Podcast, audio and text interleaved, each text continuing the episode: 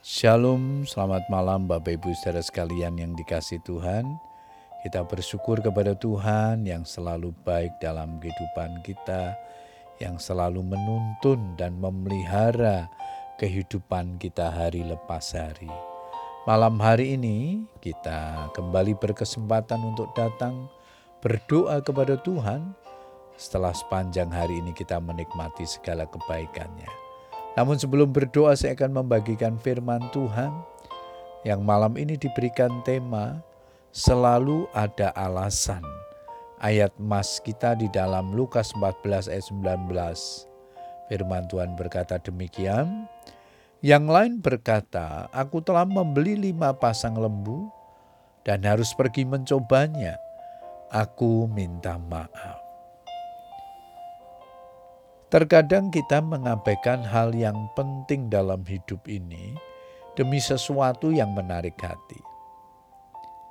Mahasiswa tidak belajar demi menonton sepak bola atau bermain game online. Suami tidak memberi waktu bagi anak-anaknya demi menonton pameran mobil atau berkumpul minum kopi dengan temannya. Selalu ada alasan untuk lebih mengikuti hal-hal yang menarik hati daripada mengerjakan hal-hal yang penting.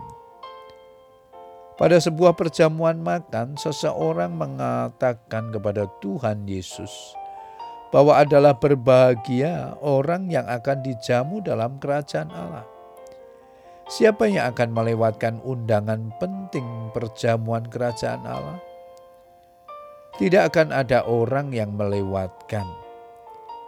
Tetapi alangkah mengejutkan ketika Tuhan Yesus justru menceritakan tentang orang-orang yang beralasan untuk tidak hadir ketika perjamuan yang diadakan telah siap. Mereka tidak datang ke perjamuan karena sesuatu yang lebih menarik dan menyenangkan bagi mereka, seperti mempunyai ladang baru, mempunyai lima pasang lembu baru, atau baru saja menikah. Mereka tidak menghargai pengundang perjamuan.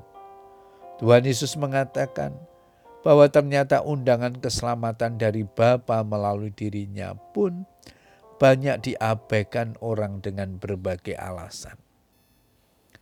Bapak Ibu Saudara sekalian, panggilan keselamatan melalui Tuhan Yesus tidak jarang mendapatkan penolakan. Dunia dengan segala kemegahan dan daya tariknya yang semu sering menjadi alasan untuk menolaknya. Apakah kita peduli dengan mereka yang terhilang?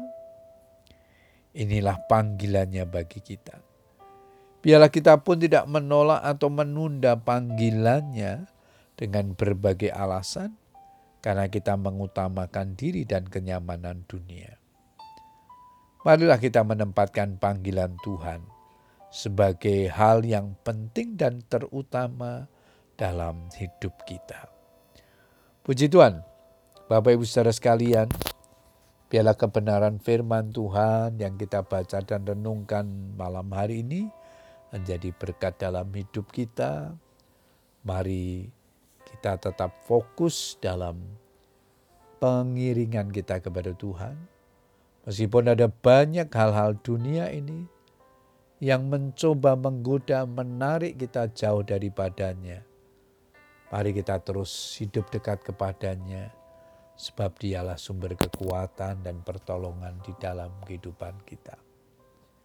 Puji Tuhan, selamat berdoa dengan keluarga kita. Tetap semangat berdoa. Tuhan Yesus memberkati. Amin.